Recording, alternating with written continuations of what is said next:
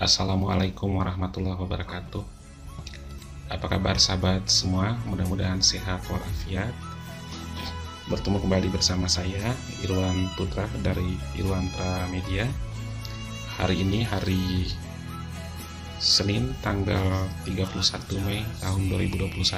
Besok kita akan memasuki tanggal 1 Juni tahun 2021 kita akan coba mendiskusikan hari lahir Pancasila 1 Juni kenapa bisa ditetapkan sebagai hari libur nasional.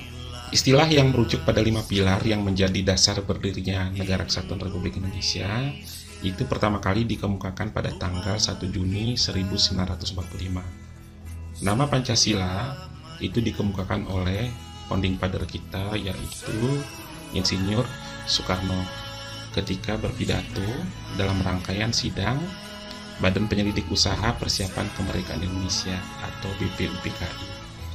Nah, ketika berpidato pada sidang BPUPKI 1 Juni 1945 itulah Bung Karno mengumumkakan lima konsep untuk dijadikan sebagai dasar negara kesatuan Republik Indonesia. Jadi lima konsep itu adalah kebangsaan, internasionalisme, permusyawaratan, kesejahteraan, dan ketuhanan.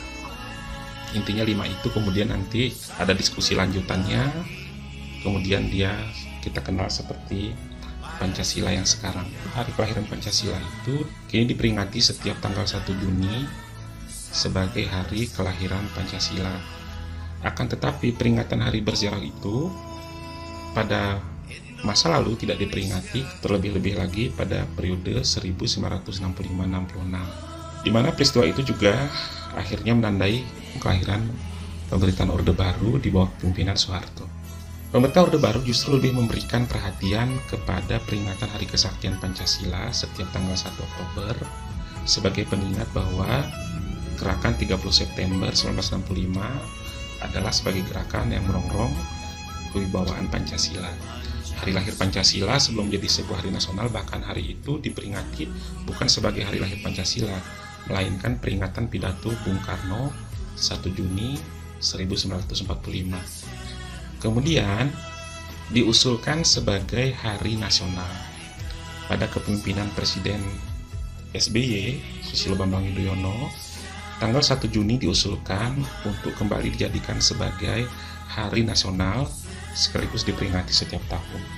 Usulan itu disampaikan oleh Megawati Soekarno Putri yang merupakan presiden kelima Indonesia dan juga Putri Bung Karno. Presiden SBY sebelumnya pernah berjanji akan memenuhi usulan itu, namun sampai akhir masa tugas Presiden SBY, peringatan 1 Juni sebagai hari kelahiran Pancasila belum juga sempat terwujud. Nah, akhirnya seperti sekarang mulai diperingati Usulan untuk kembali memperingati tanggal 1 Juni sebagai Hari Pancasila sekaligus hari nasional dimulai oleh Presiden Joko Widodo pada tahun 2017. Karena apa? 1 Juni tahun 2016 Jokowi mengumumkan bahwa 1 Juni diputuskan sebagai hari lahir Pancasila. Tidak hanya itu, melalui keputusan Presiden nomor 24 tahun 2016 mulai tahun 2017 tanggal 1 Juni juga ditetapkan sebagai hari libur nasional. Penetapan 1 Juni sebagai hari lahir Pancasila dan hari libur nasional disampaikan Presiden Jokowi dalam peringatan pidato Bung Karno 1 Juni 1945 di Bandung, Jawa Barat.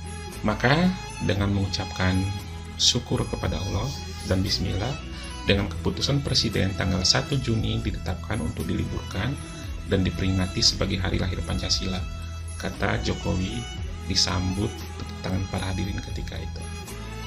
Kira-kira seperti itulah sekelumit yang kita baca dan kita ketahui tentang asal muasal kenapa tanggal 1 Juni kemudian ditetapkan sebagai hari libur nasional dan ditetapkan sebagai hari kelahiran Pancasila.